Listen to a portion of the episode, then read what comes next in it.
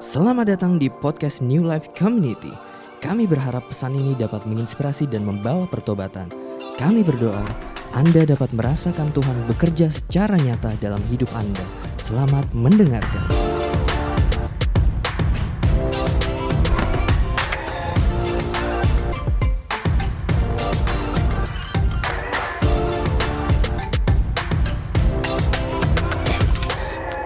Yesus memberikan banyak perumpamaan. That's fine, setiap kamu tahu. Ada perumpamaan yang mudah dipahami, ada beberapa perumpamaan yang lebih kompleks atau lebih rumit dan perlu dan interpretasinya bisa berbeda-beda meskipun sudah ribuan tahun gitu ya. Nah, salah satu yang menurut saya perumpamaan tersulit adalah yang ditulis di dalam Lukas 16 dalam Lukas 16 ditulis se sebuah perumpamaan yang uh, parable of a dishonest manager gitu ya. Jadi beberapa dari antara kamu udah manager gitu dan kamu dishonest dan kamu wow ini Yesus saja memuji dishonest ya kan. Saya ini ya apa namanya? uh, terbantu gitu ya. Saya juga dishonest loh sama kayak yang Yesus puji gitu ya.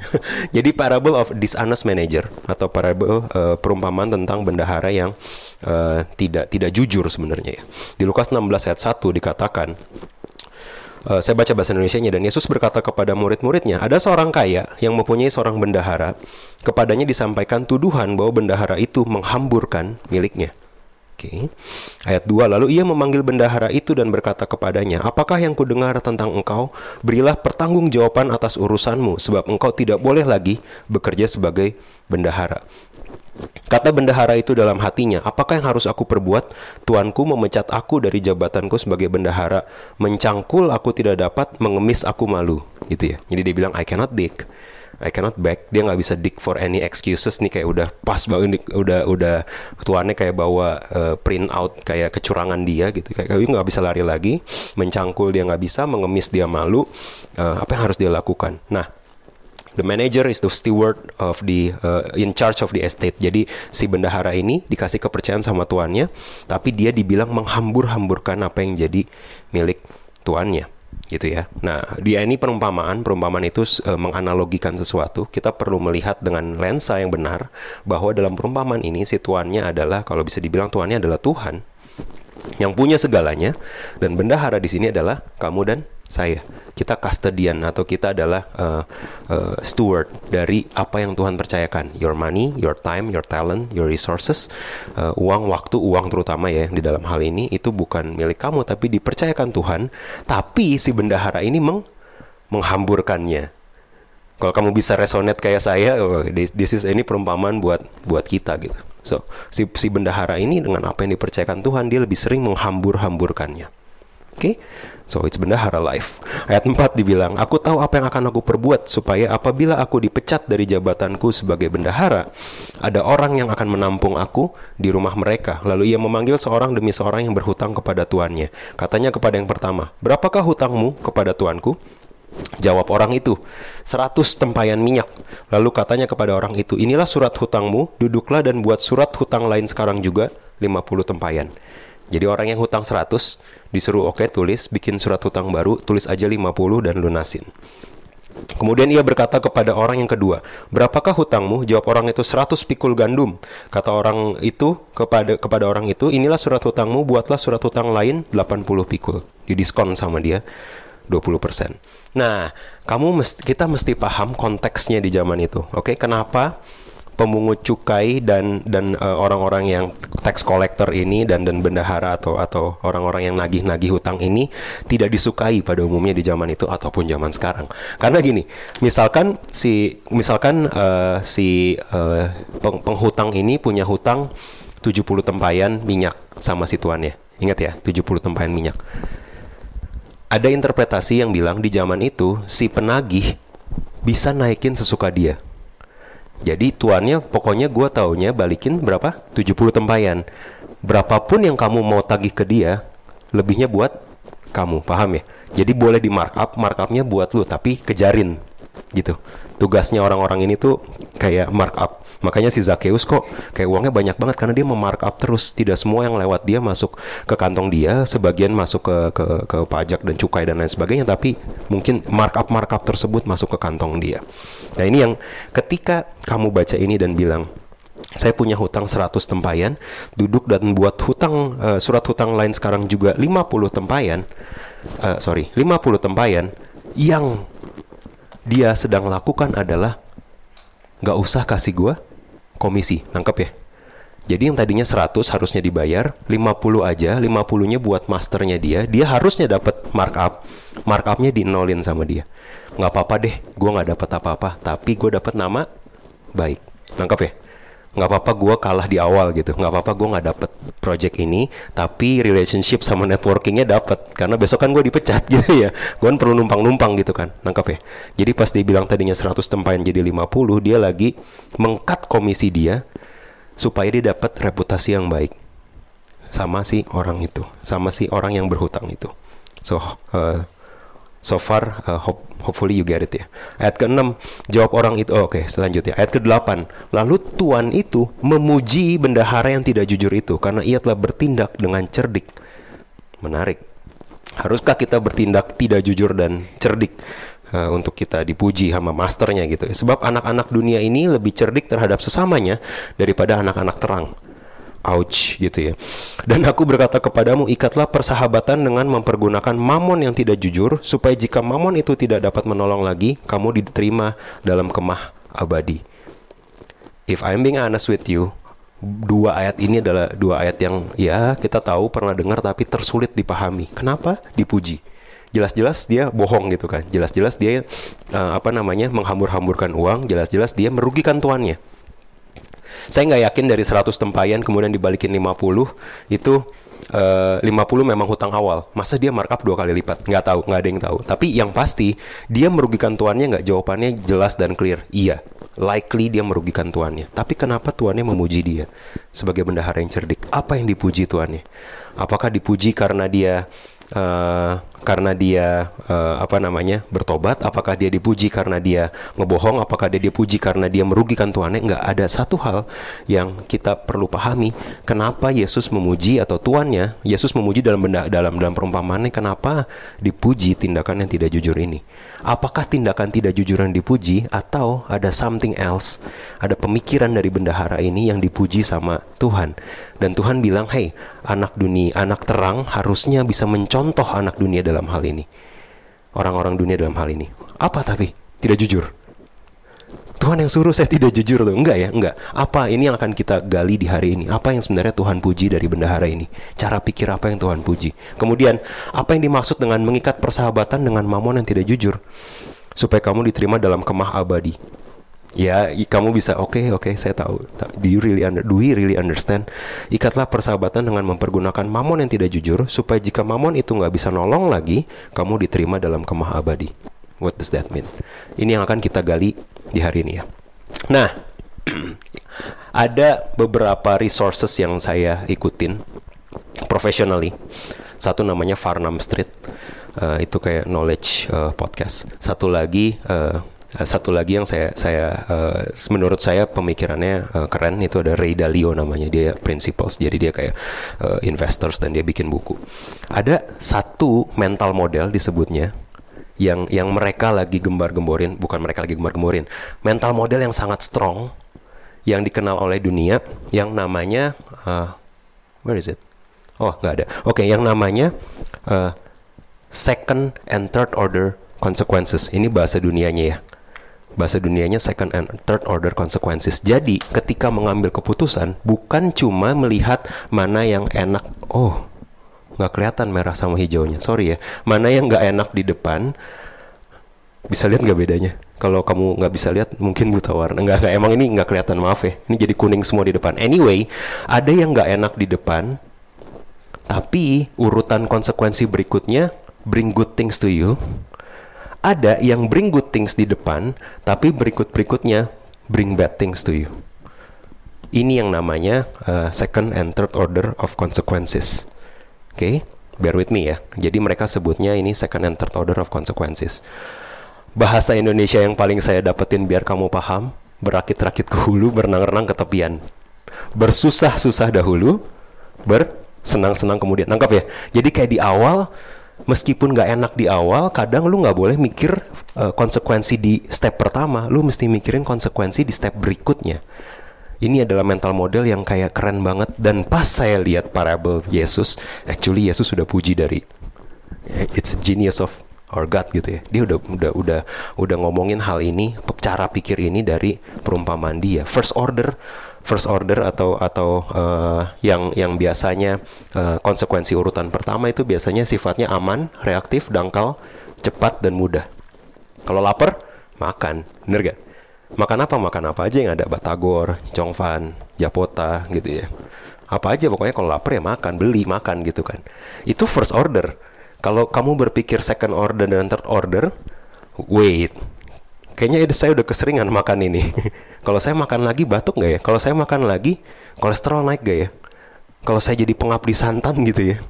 Ini efek berikut-berikutnya apa ya? Konsekuensi kedua dan ketiganya apa ya? Nah, orang yang berpikir konsekuensi kedua dan ketiga berhati-hati waktu memilih konsekuensi pertama. Nangkap ya?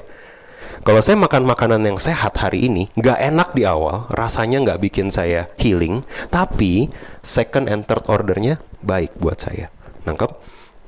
Itu ya. Jadi first order itu reaktif, dangkal, cepat dan mudah, mencari kepuasan langsung, instant gratification. What do I get from this? Uh, hasilnya langsung dan segera. Second order dan third order itu biasanya bersifat sulit, rumit, belum pasti, belum tentu dapat hasilnya juga. Temen gue makan sayur terus habis itu cancer juga misalkan. It could happen, it could happen. Jadi nggak pasti. Tapi kalau lu makan uh, makanan yang uh, enak dan berdosa uh, kayak burger triple burger itu udah pasti enak pasti langsung gitu ya tapi kalau if you choose good things hasilnya nanti dan belum tentu right so second order ini sulit rumit belum pasti kepuasannya tertunda right kamu ngerasa puasnya tuh pas kamu jaga gaya hidup enak bukan bukan langsung gitu tapi nanti kan di di 40-ish or 50-ish gitu kan. Dan kemudian tidak langsung tapi perlu konsistensi gitu.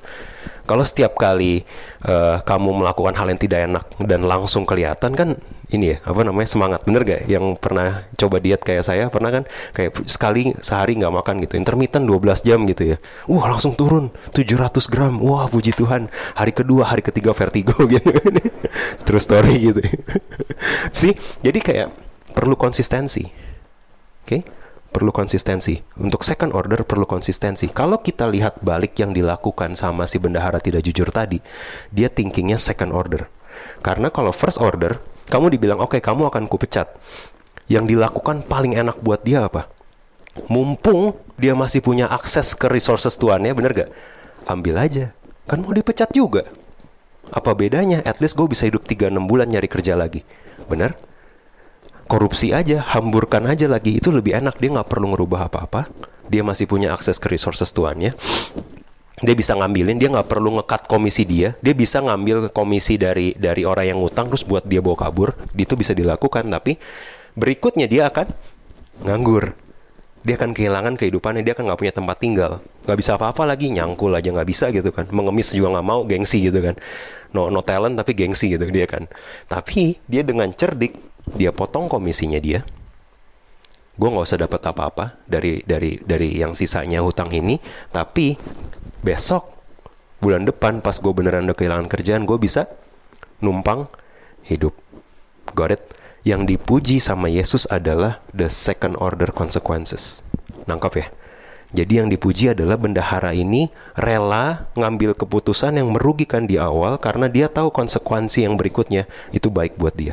Dibanding dia hajar yang enak-enak aja, tapi kemudian dia akan luntang-lantung hidupnya. Dan dia tahu diri gitu, dia nggak bisa apa-apa gitu, dan dia gengsian juga. Iya kan? Jadi itu yang dipuji sama Yesus. Jadi orang ini kecerdikan dari model pemikiran atau mental model si si bendahara ini. Kalau saya ambil contoh dunia yang yang sekarang uh, bisa biar kamu bisa lebih nangkep um, di di di dalam dunia investasi second order thinking ini dibilang bahwa first order itu oh ada perusahaan yang bagus yang lagi naik ada di berita lagi bagus gitu ya. Kemudian semua orang akan beli bener gak? Itu first order consequence katanya lagi bagus maka beli. Dan ketika kamu dengar itu bagus di Google, guess what?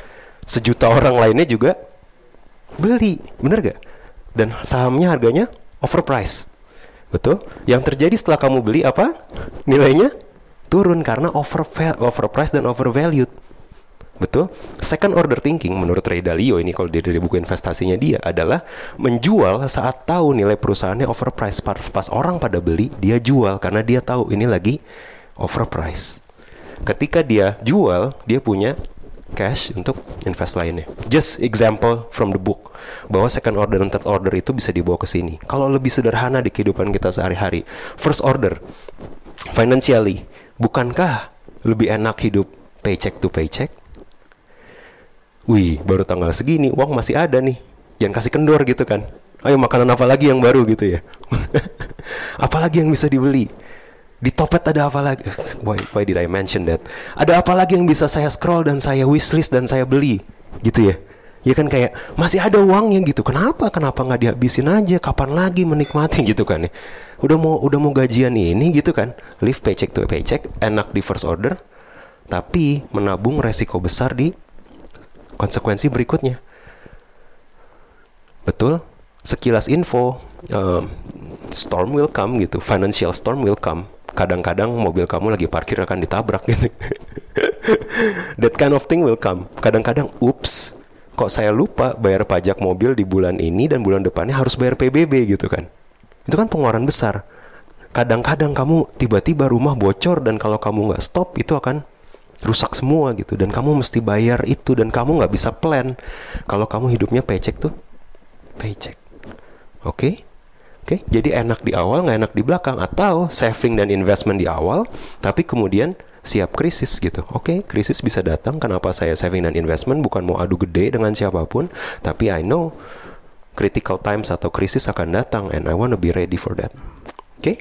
Itu first order dan second order di keuangan. First order dan second order berikutnya yang tadi saya sudah sebut, pengabdi santan gitu ya enak di depan I don't know about you but I really like anything santan related pengabdi santan kamu lagi menumpuk resiko penyakit atau healthy food and healthy lifestyle kamu memperpanjang lifespan buat saya yang yang saya selalu pikirin adalah ke waktu saya datang ke banyak nikahan adalah ih bapaknya udah tua banget gitu ya.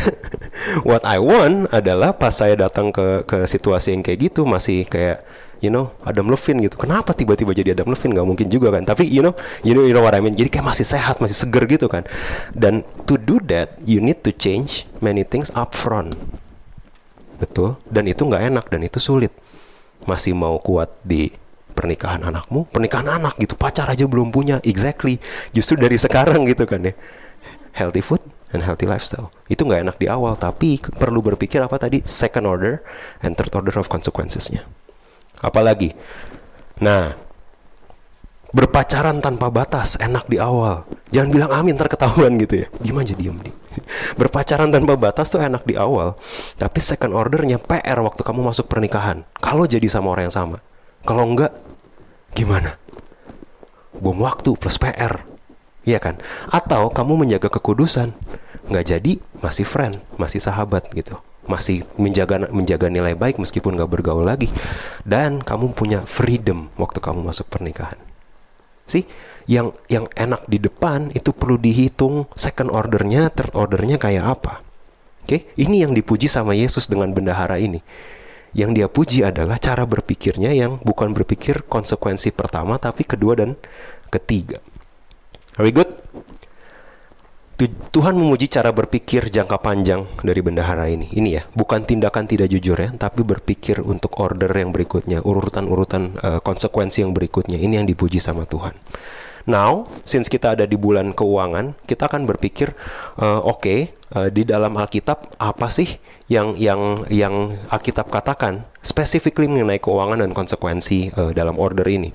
Di Matius 6 ayat 19 sampai 20, saya yakin kamu udah sering dengar dan mungkin jadi hafalan buat sebagian kamu. Jangan kamu mengumpulkan harta di bumi, di bumi ngengat dan karat merusakkannya dan pencuri membongkar serta mencurinya. Ini ayat favorit orang pecek tuh pecek betul. Jangan kumpulin harta kalau ada spend aja gitu kan jadinya. Just kidding. Ayat 20. Tapi kumpulkanlah bagimu harta di sorga, di sorga ngengat dan karat tidak merusakkannya dan pencuri tidak membongkar serta mencurinya. Fine.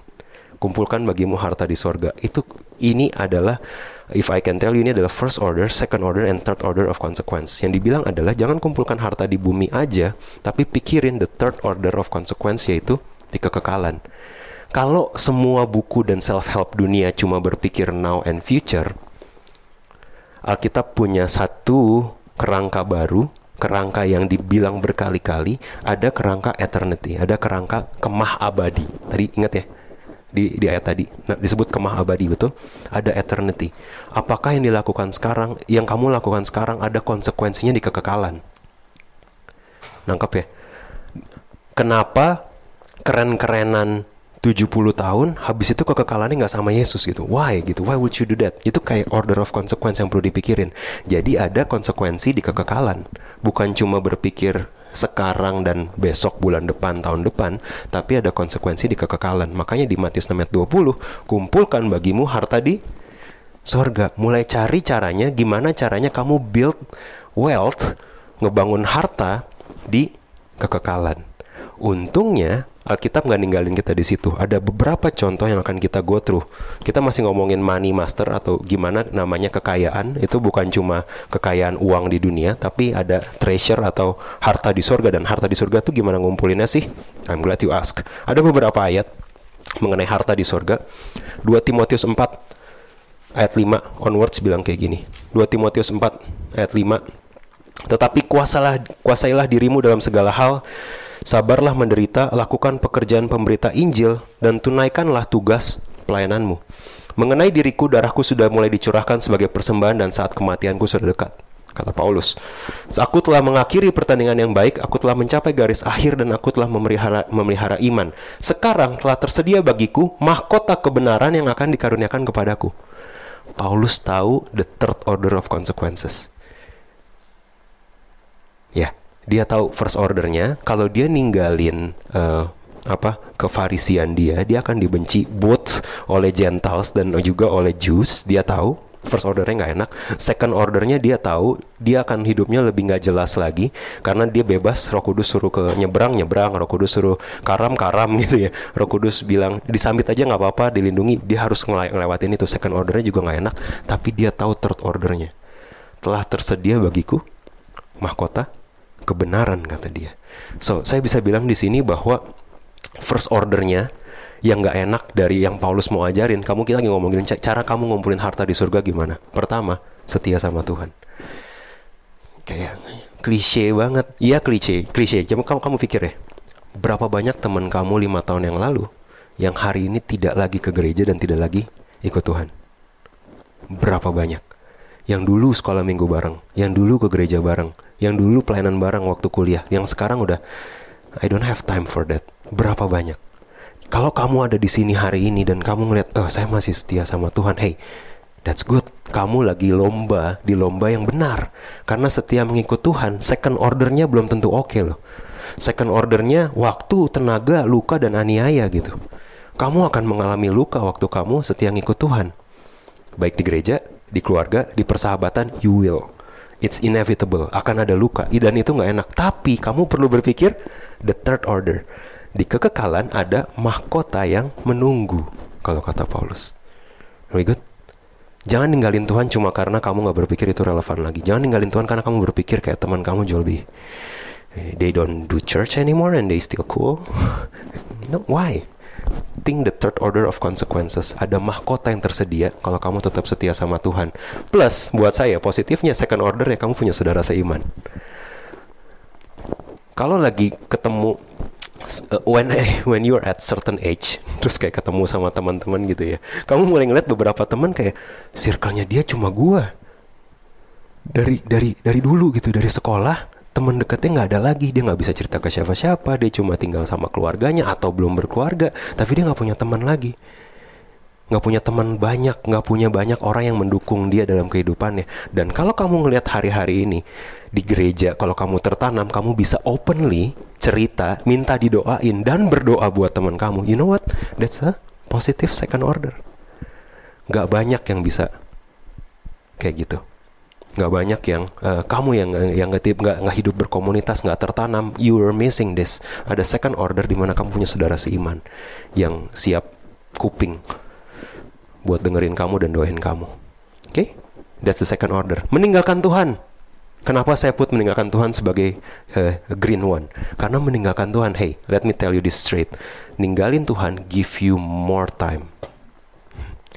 Kamu nggak perlu ke gereja, kamu nggak perlu tertanam, nggak perlu drama-drama di gereja, nggak perlu drama-drama komsel, nggak perlu uh, apalagi nggak perlu pelayanan, obviously, gitu ya. Tan dengan meninggalkan Tuhan, less people judge and remind you of your mistakes, berasa lebih freedom dan lebih banyak waktu untuk self uh, healing dan self indulging tanpa ada yang ngejudge. Betul. That's the first order dan second ordernya itu green. Itu enak ninggalin Tuhan. Let me tell you, upfront enak. Daripada ke gereja tiga jam, kamu bisa ambil courses tambah pinter. kamu bisa les, kamu bisa cari bisnis baru di hari Minggu yang bisa kamu lakukan dan membangun your yourself atau self healing lebih jauh. But the point is, apakah ada nilai kekekalannya? Waktu kita bicara second order dan third order of consequences, apakah ada nilai kekekalannya kalau saya meninggalkan Tuhan? Saya nggak tulis di sini, saya nggak saya nggak tahu apakah uh, binasa atau neraka. Well, I don't want to know, I don't want to find out juga gitu ya. So, you know what? Setiap ikut Tuhan itu kamu perlu pikir third ordernya meskipun hari ini waktu, tenaga, luka mungkin dianiaya. Oke? Okay? Apalagi selain setia mengikut Tuhan yang bisa membuat kamu mengumpulkan harta di surga. Matius 5 ayat 43, kamu telah mendengarkan firman, kasih sesamamu manusia dan benci musuhmu. Tetapi aku berkata kepadamu, kasihilah musuhmu dan berdoalah bagi mereka yang menganiaya kamu. Karena dengan demikian, kamu menjadi anak Bapamu yang di sorga yang menerbitkan matahari bagi orang jahat dan orang baik dan menurunkan hujan bagi orang yang benar dan orang yang tidak benar. Apabila kamu mengasihi orang yang uh, mengasihi kamu, apakah upahmu? Bukankah pemungut cukai juga berbuat demikian? Oh, interesting. Jadi ada upah ada heavenly treasure buat orang yang mengasihi musuhnya. Bukankah ini mengubah uh, cara pikir kamu pas besok kamu ketemu musuh di kantor lagi? It could be your boss, could be your peer, could be your colleague. Orang-orang yang tetap ngegas-ngegas dan tanpa ngerti kamu, orang-orang yang sentimen sama kamu, orang-orang yang ngenyek, orang-orang yang undermine, yang yang speak bad things sama kamu, mungkin di rumah, mungkin di kantor. You know? Waktu kamu mengasihi mereka dan berdoa bagi mereka, ada upah buat kamu. Wow, wow. Mengasihi dan mengampuni musuh yang jelas pasti red, pasti first ordernya nggak enak, bener gak? Malu lah, gengsi lah, sakit gitu kan. Tapi second ordernya ada kesempatan rekonsiliasi. Ini yang saya mau highlight. Kesempatan rekonsiliasi dengan keluarga kamu, kesempatan rekonsiliasi dengan sahabat kamu, kesempatan rekonsiliasi dengan partner bisnis kamu cuma terjadi kalau kamu decide untuk mengasihi dan mengampuni. Ingat yang saya bilang, kamu decide untuk mengasihi dan mengampuni. Dia minta ampun nggak? Belum tentu. Belum tentu. But it doesn't matter. Ketika kamu mengasihi dan mengampuni, ada kesempatan rekonsiliasi. Meskipun kamu dilukai berulang kali. Saya mau highlight. Waktu kamu ngampunin dan kamu bilang, no, I'm gonna commit to this. Saya akan komit dalam hubungan ini. Karena kamu orang tua saya gitu. I mean, can you run? No gitu kan. Ya kalau kalau temen kan lu bisa pergi ya, udah gue nggak mau ke segereja lagi sama lu. Kalau orang tua yang nyakitin gimana? You cannot run. What you can do, mungkin kamu dilukai berulang kali, tapi always decide to mengasihi dan mengampuni. Karena tadi Matius 5 ada upah yang menunggu kamu. You'll be surprised. We're going to be surprised waktu kamu berpikir hidup gue prosesnya berat amat ya di rumah. Atau di rumah tangga. Atau di uh, keluarga besar atau di kantor. But waktu someday kamu lihat mahkota kamu dan wow, komerik doang mah lewat gitu maksudnya kayak a big process mengasihi lebih banyak, mengampuni lebih banyak. Matius 5:43 bilang ada upah yang menunggu. Oke, okay? membiarkan diri dikuasai bitterness dan saltiness itu lebih normal, lebih wajar dan lebih sounds good, right? Sentimen, bitter, itu kayak I don't emang di dunia teman cuma lu doang. Emang bos cuma lu emang kantor yang menerima gue cuma lu. Cih gitu kan ya. Hey membiarkan diri dikuasai ini berasa lebih enak karena flash kedagingan. Dan second ordernya juga mungkin kamu dijustifikasi oleh dunia. Teman kamu akan mulai bilang kayak heh iya kok. Wajar lah gila banget bos lu. Gila banget orang tua lu. Memang mending lu pergi dari rumah. You you got that justification. Karena lebih reasonable buat dunia. Tapi careful ada third order kalau kita mau ngumpulin harta di surga, always choose to love, always choose to forgive, especially kalau orang itu nyakitin kamu. Setiap kali kamu, kamu tahu apa ya?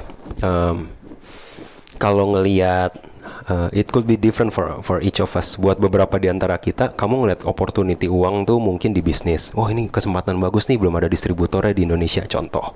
Atau ke kesempatan uang itu mungkin kamu lihat di barang bekas. Wah, ini ada barang bekas dijualnya miring banget.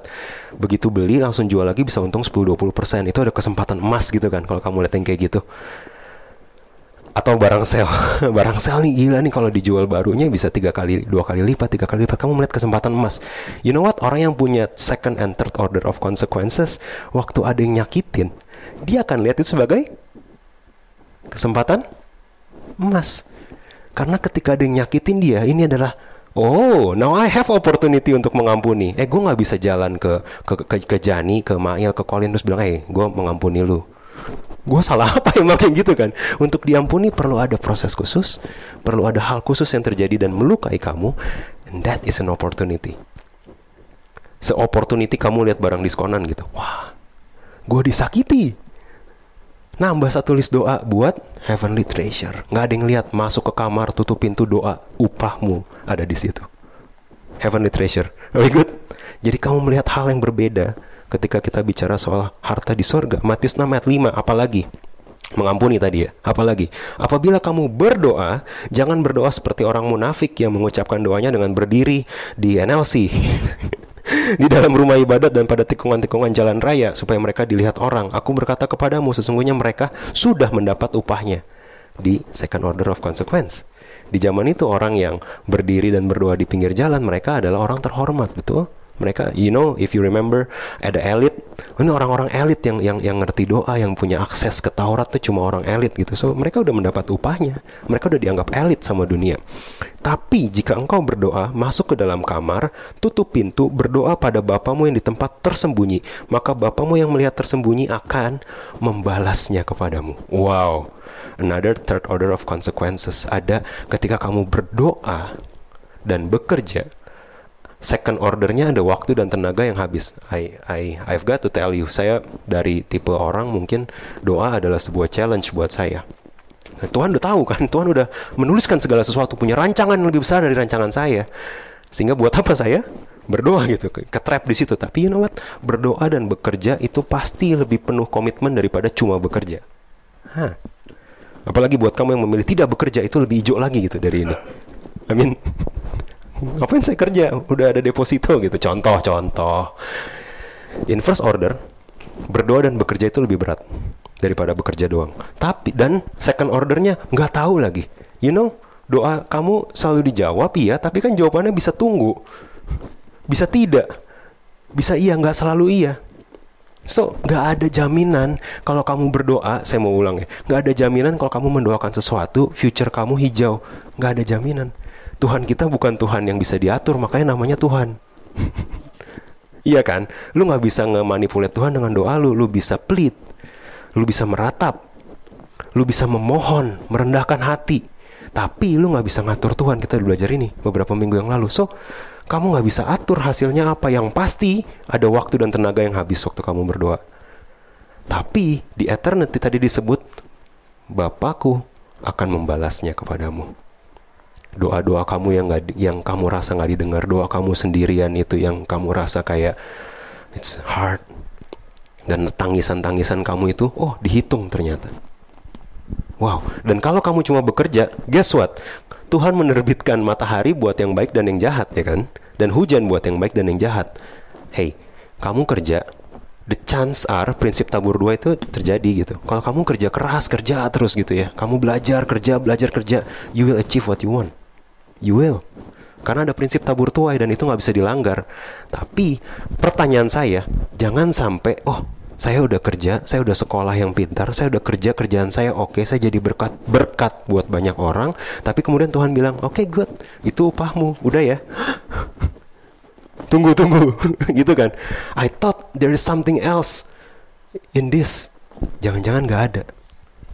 Careful careful. Cuma bekerja aja feels good. Ada prinsip tabur tuai, tapi apakah ada nilai kekekalannya?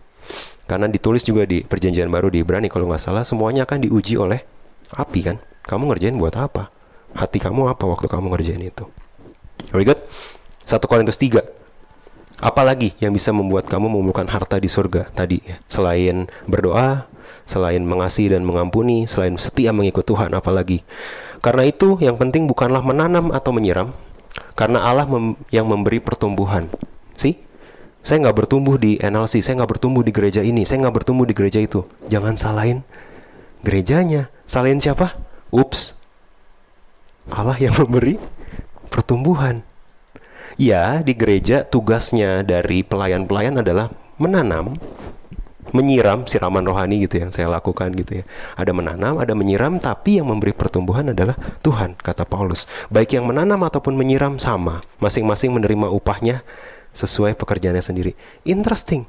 Ternyata ada upah ketika kamu menanam atau kamu menyiram di dalam jemaat Tuhan kamu mulai berpikir oh pelayanan nggak nggak nggak ini ya cost benefit analisisnya nggak masuk dilukai yes dilukai cek gitu ya. Disuruh partnership cek gitu ya.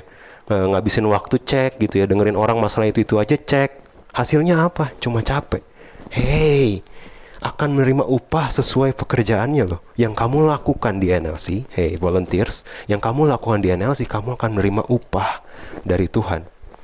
Yang jelas bukan dari saya. Nggak dibilang Paulus yang akan memberi upah bukan Paulus gitu. Tuhan yang akan memberi upah karena kami adalah kawan sekerja Allah kamu adalah ladang Allah bangunan Allah. So saya mau bilang bahwa kamu yang melayani dalam jemaat dan menjadi perpanjangan tangan Tuhan is a good thing. Hey let me tell you denger orang yang kamu layani bersaksi bahwa lu cuma ngomong gitu sama gua tapi lu tahu nggak itu kena banget? Gua lagi butuh banget. Itu you know kamu bilang wah kamu mulai ngaca udah ada belum ya ininya ya lingkarannya gitu ya wah saya udah mulai jadi kayak Tuhan banget gitu ya, ya itu the, the joy and the peace and the affirmation bahwa kamu dipakai Tuhan tuh it's a good thing. Meskipun belum sampai eternity I can tell you that. Waktu kamu melayani akan jadi, menjadi perpanjangan tangan Tuhan itu aja udah privilege dan udah sebuah joy sendiri buat kamu. I can tell you this. Tapi waktu tenaga uang perasaan itu negatif. Hidup udah capek. Pelayanan itu emang tambah enak? Enggak tambah capek kamu melayani itu tambah capek. Udah chat nggak ada yang balas bener? Ini mau apa enggak? Ini ada nggak yang mau gitu kan ya? Ini jadi apa enggak? Nggak ada yang balas gitu kan ya? Hey waktu tenaga uang perasaan di kantor aja gitu kan. Di kantor gua chat orang-orang balas gitu. Di sini nggak ada yang balas gitu kan ya? Hey kalau kamu cuma ngeliat first order dan second order mungkin negatif. Tapi third order akan menerima upah sesuai pekerjaannya. Oke, okay? jadi kalau pelayanan kamu udah banyak upahnya hati-hati. Jangan-jangan udah di sini semua upahnya. Nggak mau, nggak mau, nggak mau gitu ya. Ada upah yang akan menunggu di surga. Meninggalkan pelayanan saya put sebagai hijau. Teman-teman di sini kamu ada beberapa yang dulu pelayanan, kamu ada beberapa yang belum pernah pelayanan. It doesn't matter. Ada beberapa di antara kamu yang sudah meninggalkan pelayanan. Meninggalkan pelayanan itu enak saya pernah di chapter seperti itu. Di SM, SMP SMA saya pelayanan oh, pelayanan musik. Di kuliah saya freedom lepas kandang gitu ya. Nggak ke gereja gitu ya. More time for myself for Power Rangers and Doraemon di hari Minggu gitu ya. Kayak meninggalkan pelayanan itu give you more time. It is.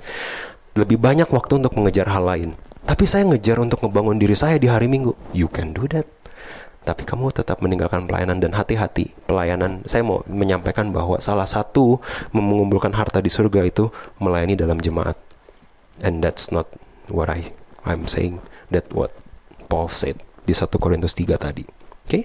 So cari kesempatan pelayanan, apa yang kamu bisa lakukan, siapa yang bisa kamu dengar, you know, cari waktu. Kalau ada kesempatan pelayanan tuh kayak ketemu barang diskonan gitu. Wah, kurang nih asyarnya siap gitu kan. Nggak ada kan ya Jun ya? Biasanya nggak ada yang jawab gitu kan.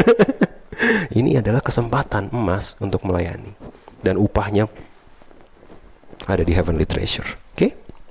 Matius 25 ayat 40 apalagi yang uh, bisa menjadikan uh, kita mengumpulkan harta di sorga. Matius 25 ayat 40 Raja itu menjawab mereka Aku berkata kepadamu Sesungguhnya segala sesuatu yang kamu lakukan Untuk salah seorang dari saudaraku yang paling hina ini atau the least of this saya ada bergumul sendiri menurut saya the least of this itu terjemahannya nggak harus hina. Karena kalau hina tuh kayak najis gitu. Maksudnya kalau hina tuh kayak kayak kayak internally kayak broken atau kayak orang-orang yang uh, apa namanya uh, kriminal dan lain sebagainya. Which is might be true tapi nggak yang ayat uh, ESV ya terus berkata the least of this yang terkecil di antara kamu. Terkecil lebih uh, menurut saya lebih skopnya lebih besar. Bisa jadi orang yang terkecil itu orang yang nggak dipandang oleh sekitarnya. Bisa jadi orang yang terkecil itu orang yang dibuang keluarganya. Mereka nggak tentu hina, mungkin pekerjaannya baik, tapi karena mereka dibuang keluarganya mereka the least of this orang yang paling kecil. Sehingga yang paling kecil di mata dunia dan kamu telah melakukannya untuk aku. So saya bisa bilang bahwa gimana cara mengumpulkan harta di surga now this time with your finance adalah memberi untuk mereka yang the least of you. Memberi untuk saudaraku tadi kata raja itu saudaraku loh. Nggak memberi asal-asal, memberi sesuai promnya Roh Kudus yes tapi you know what? Ada banyak banget orang. Jangankan uh, jangan kita bicara uh, Indonesia. Kita tinggal di Indonesia itu ada kesempatan emas karena banyak banget orang yang butuh yang tidak senyaman di you know 2% uh, segmen di Jakarta ini. Ada mereka yang uh, struggle-nya begitu banyak dan kesempatan kita memberi begitu banyak. Cuma kalau kita menembuki diri kita dengan apa yang kita pengen, itu mereka mulai nggak kelihatan gitu kan ya. Oh saya belum beli ini, saya belum beli ini, saya belum beli ini, dan you cannot see them. Memberi untuk mereka yang paling kecil, second ordernya perlu menyangkal kebutuhan dan keinginan pribadi. Ada liburan yang perlu kamu tunda, ada uh, gadget yang perlu kamu tunda, ada tas yang perlu kamu tunda. Kalau kamu membantu mereka that's the second order. Tapi eh, Matius 25 tadi bilang apa? Kalau kamu melakukan untuk mereka kamu melakukan juga untuk aku. So saya mau contrasting. Karena tidak memberi lebih hijau dari memberi. Pasti pasti gitu ya nggak usah diajarin. Tapi memberi secara strategis dari kata dunia strategis itu itu juga feels good loh. Karena memberi secara strategis maksudnya apa? Kamu memberi nih, kamu insta story bahwa kamu memberi. Dan kamu mulai dapat upah karena kamu keren banget. Dapat upah dong, karena orang-orang akan mulai ngeliat kayak, wah dia gila ya, generous banget ya. Kamu salaman gitu ya, Oke, telah diberikan 100 ribu rupiah, cuma 100 ribu padahal, cuma kan salaman gitu, foto. Orang-orang ini udah dapat upahnya. So pemberiannya nggak lagi berharga karena memberi secara strategis, memberi untuk get something back. Waktu saya bilang strategis maksudnya tujuan hatinya ya. Kalau mendapatkan nama baik, mendapatkan reputasi, artinya kamu sudah dapat upah. Udah dapat upah dong reputasi. Ya kamu tukar 100 ribu, dapat tambahan 500 ribu followers gitu. It's you get you you you get the upahnya rewardsnya kamu udah dapat gitu memberi untuk yang paling kecil kadang-kadang nggak ada yang lihat dan nggak ada yang tahu dan itu yang upahnya ada di surga saya bisa bilang bahwa memberi untuk the list of this ini adalah salah satu cara. Makanya saya mau menekankan uh, partnership It's been a while, it's on me. Kita nggak memberi ke mana-mana, tapi kita ada this special yang tadi saya sebut di awal. Kita akan dua kali untuk lembaga Alkitab Indonesia. To the list of this tadi semua satu dalam kasih itu programnya nggak ada nggak ada yang di Jakarta obviously. Itu ada di pedalaman-pedalaman terpencil. Dan we will twice matching your giving dari dari NLC sebagai community. So so biasanya kalau bicara money master, uh, saya nggak mau NLC jadi komunitas yang bicara oh sekarang kita mau bikin ruangan nursery ya, jadi kita butuh janji iman dari kamu. No no no no, we do not do that here. Apa yang kita lakukan ini adalah kesempatan buat kamu memberi kita kita jadi partner LHI kita bantu satu dalam kasih let's achieve that 155 ribu Alkitab buat 155 ribu jemaat with your money and our money dari partnership oke okay? so sebagai bendahara Allah kita bertanggung jawab atas pengelolaan sumber daya yang kita punya. Ini jadi mengerikan buat saya gimana kalau setiap expense itu perlu dipertanggungjawabkan. Oh, merik ya. Oh, hamba yang di perumpamaan tuh lebih mild daripada kamu menghamburkan uang gitu kan. Kalau Tuhan ngomong gitu kan mateng kan. Tapi one thing yang menarik adalah kalau kamu udah menghamburkan, bukan berarti ya that's your past. It doesn't define your future gitu kan ya. Bukan berarti kamu tidak bisa you know bertobat dan dari sini ke depan kamu mulai mengumpulkan harta di surga waktu saya bilang mengumpulkan harta di surga saya nggak bilang nggak saving nggak investment saya nggak bilang kamu nggak kejar uh, uh, impian jalan-jalan kamu saya nggak bilang kamu nggak nggak uh, pakaian lusuh dan lain, lain sebagainya what I tell you adalah kamu bisa lihat tadi kan it's more than just money mengumpulkan harta di surga lebih dari sekedar memberi salah satunya memberi tapi tadi mengampuni pelayanan, setia ikut Tuhan, berdoa, itu kamu lagi ngumpulin upah di surga. So sebagai bendahara Allah, kita bertanggung jawab most with money, tapi juga with your time, with your talent, with your gift, with your spiritual gift. Biar saya lebih eh gamblang ya bilangnya ya. Kamu tahu kamu punya kasih, kamu datang ke gereja, kamu terima Yesus sebagai Tuhan dan Juru Selamat kan ada Roh Kudus. Dan kamu tahu nggak Roh Kudus kamu nggak lebih cupu dari Roh Kudus teman-teman kamu di sini. Meaning ada karunia Roh di dalam setiap kamu. Kalau kamu nggak tahu karunia Roh kamu apa untuk melayani orang lain, that's on you, not on us. Karena Roh Kudus di dalam kamu. Dan kamu yang punya punya Roh Kudus tersebut punya kuasa yang yang Yohanes 15 dan 16 bilang yang lebih besar dari apa yang Yesus lakukan dan kalau kamu simpen itu dan kamu padamin that's on that's on ourselves not on our church or our community. Oke, okay? kamu bertanggung jawab untuk semua gift yang Tuhan kasih, baik itu karunia, baik itu talenta, uang, waktu. Oke, okay? dan kita bertanggung jawab sebagai custodian, sebagai bendahara. So bendahara life meskipun kamu bukan bendahara NLC gitu kalau eh, tapi tahu banget bendahara life itu emang bendahara gitu kan tahunan tapi you know bendahara life you and me kita semua custodian kita cuma penata layan dari apa yang Tuhan sudah percayakan dan kita bertanggung jawab untuk setiap resources yang kita punya. Terima okay? kasih sudah mendengarkan podcast ini. Kami berdoa Anda diberkati melalui pesan yang telah disampaikan. Mari sapa kami melalui Instagram @newlifec dan bagikan pesan ini supaya lebih banyak orang yang diberkati.